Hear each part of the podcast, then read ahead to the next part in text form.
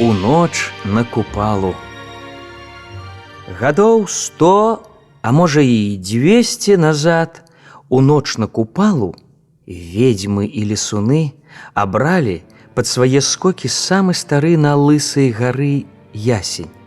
З-пад яго густой кроны разносіліся па наваколлі смех, свіст, нейкая бязладная гаворка. Лысагорцы, пачуўшы вядзьмарскае улюлюканне, пахаваліся ў сваіх хацінах.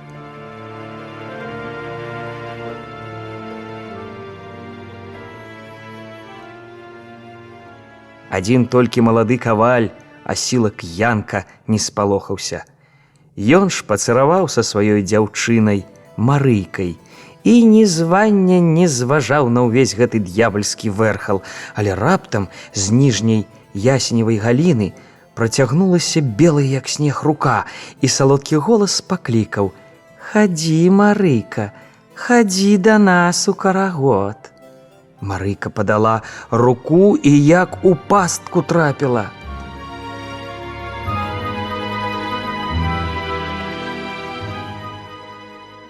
Пацягнула яе невядомая сіла ў гору на ясень. Добра яшчэ, што Янка паспеў ухапіцца за яе.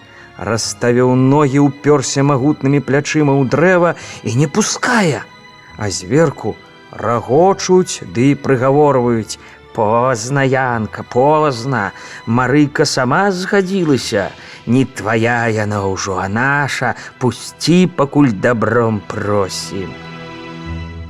Разлаваўся асілак каваль, мацнейшы ў сем разоў зрабіўся, паднапяўся, ды так і рвануў з учэпістых пальцаў сваю каханую, што разам з ёю сцягнуў з ясеня цэлы тузень звязаных адной вяроўкай ведзьмакоў страшыдлаў. Адразу сціх рогат, пачалі ведзьмакі плакаць, рыдаць, прасіць янкаў, каб пасадзіў іх на ясень. Золата, брыльянты абяцалі.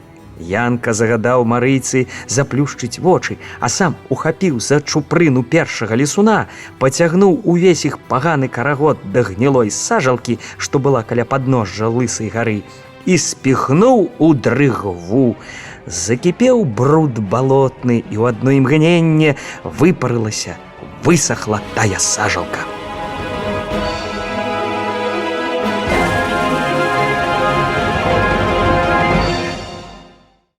Таго часу на старым лысагорскім ясені, названым у гонар смелага каваля асілка янкавым, ніколі больш у ноч на купалу, аніякай нечасці не з'яўляецца.